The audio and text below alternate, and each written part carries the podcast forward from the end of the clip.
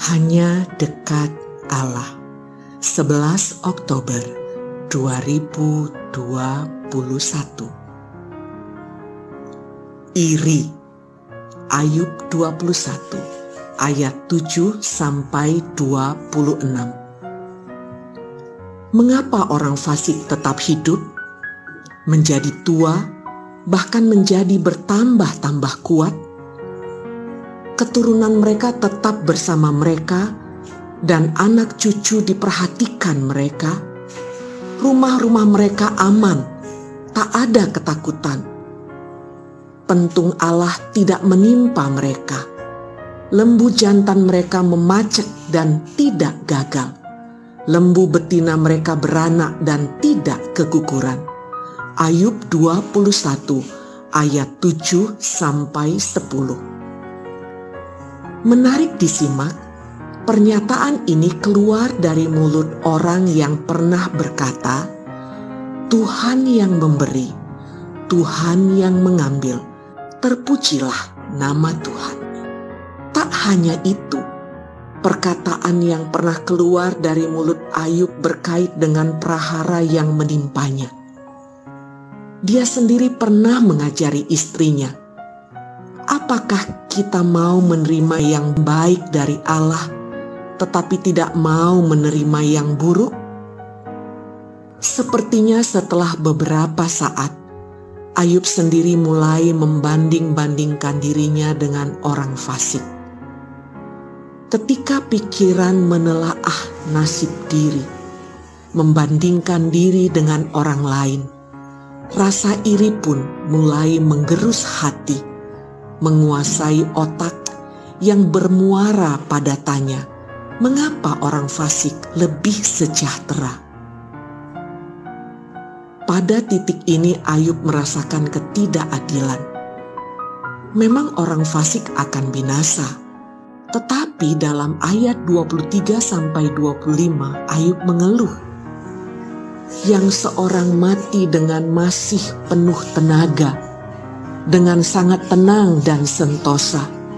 Pinggangnya gemuk oleh lemak dan sumsum tulang-tulangnya masih segar. Yang lain mati dengan sakit hati, dengan tidak pernah merasakan kenikmatan. Ya, Ayub merasa nasibnya sama seperti golongan orang kedua. Salam semangat dari kami, literatur perkantas nasional. Sahabat Anda bertumbuh.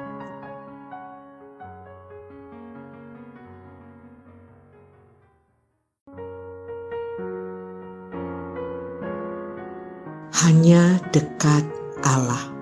11 Oktober 2021. Iri.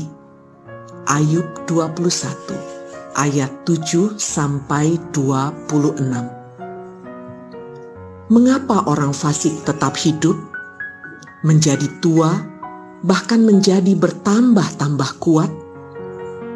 Keturunan mereka tetap bersama mereka, dan anak cucu diperhatikan mereka. Rumah-rumah mereka aman, tak ada ketakutan. Pentung Allah tidak menimpa mereka. Lembu jantan mereka memacet dan tidak gagal.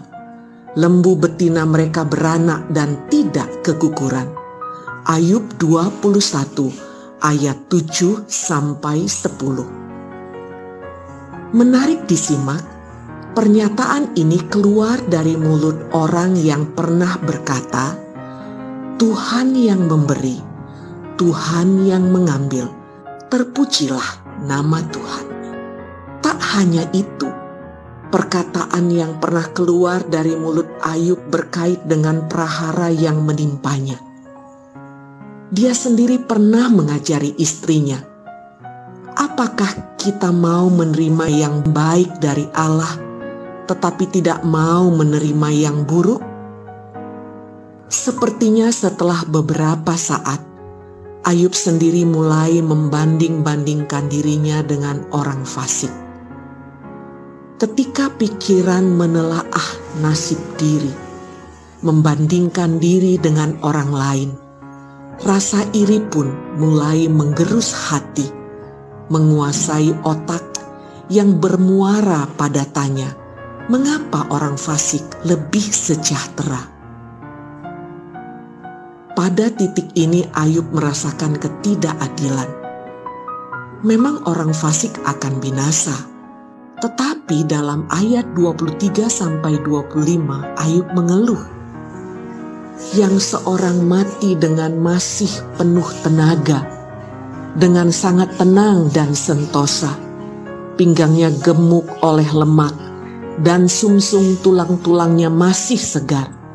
Yang lain mati dengan sakit hati, dengan tidak pernah merasakan kenikmatan. Ya, Ayub merasa nasibnya sama seperti golongan orang kedua. Salam semangat dari kami, literatur perkantas nasional, sahabat Anda bertumbuh.